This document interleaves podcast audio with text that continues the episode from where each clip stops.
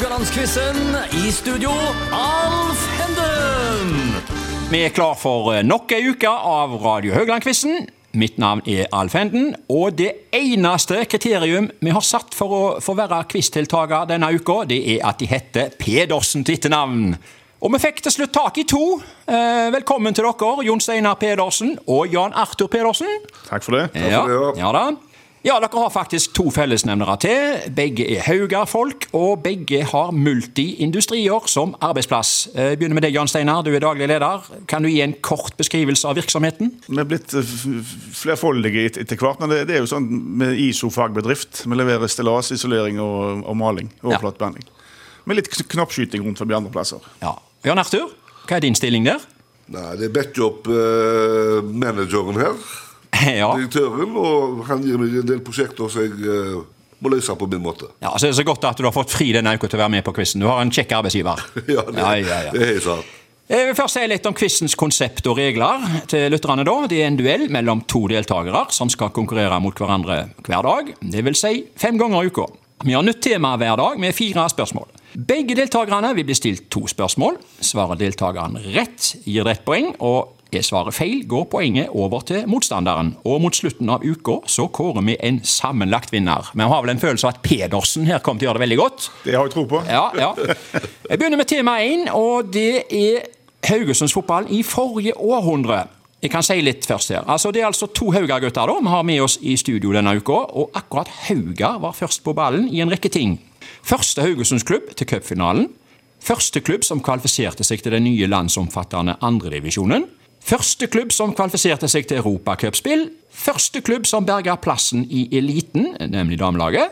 Og første klubb som bygde klubbhus. Og ikke nok med det, første klubb som begynte med bingo, eh, Jon Steinar. Nå ser jeg at du eh, Du ble rørt nå. Eh, du er i dag klubbens øverste leder, som nevnt. Formann, som det het i forrige århundre. Hvordan er ståa i Haugar i dag? Står bra. Vi har jo, vi har jo en, en flott hall der borte på Sakkestad. Medlemmene er stabile. Eh, Vi hadde, vi hadde jo frykta å miste en del under pandemien, men det slapp vi heldigvis. Det gikk bra? Ja. Det gikk bra. Så alt i alt så har vi det godt. Godt styre, god ledelse. Og du delegerer? Ja, jeg er Du er flink, det, på, da. jeg er flink på det. Jan Arthur, du hadde jo ei spillerkarriere i Haugar. Først i ungdomsavdelingen og senere på A-laget på 80-tallet. Hvor god var du? Eh, Jeg, var, jeg spilte jeg gjorde ikke annet enn når jeg var ungdom eh, og vokste opp. Og, Ja. og jeg gjorde ikke annet enn å spille fotball. Eh, Så i alder bestemt eh, så, så var jeg jo innom kretslag og sånt. Og, og debuterte vel som 16-åring på A-laget til Haugar. Ja, ble en del kamper der. Ja, jeg vet ikke hvor mye, men, Nei. men det ble jo en del. Men eh, kan vi slå fast at sønnen din Tore han ble kanskje litt bedre? Mer seriøse. ok. Så jeg hadde visst hva Altså, for å se på den måten Ja. at eh, jeg var ganske god når jeg var uh, skulle til i militæret. Ja.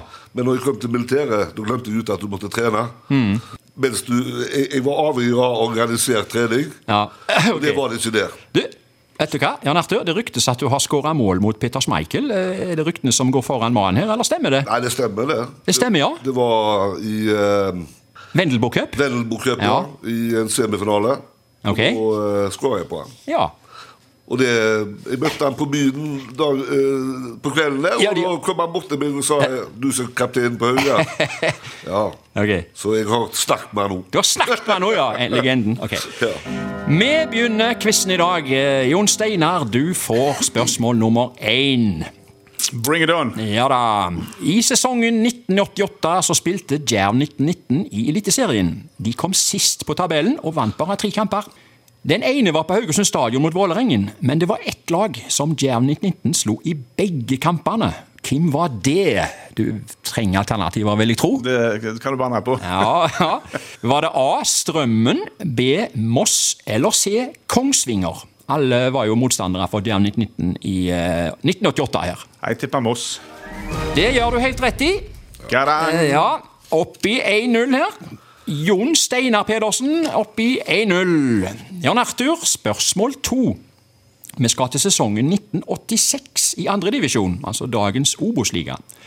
Vard vant 7-0 over Namsos. Iren Mike McCabe ble kampens store spiller.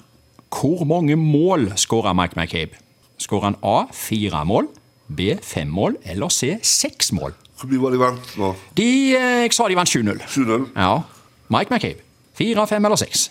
Jeg spiller til med seks mål, jeg. Ja, Det smeller du helt rett til. Ja da. Uh, han skåra seks mål. Han ble seks- seksmåls-Mike. Han ble forresten senere solgt til Tromsø. Spørsmål tre går til Jon Steinar. Vi skal til seriestarten i 1963.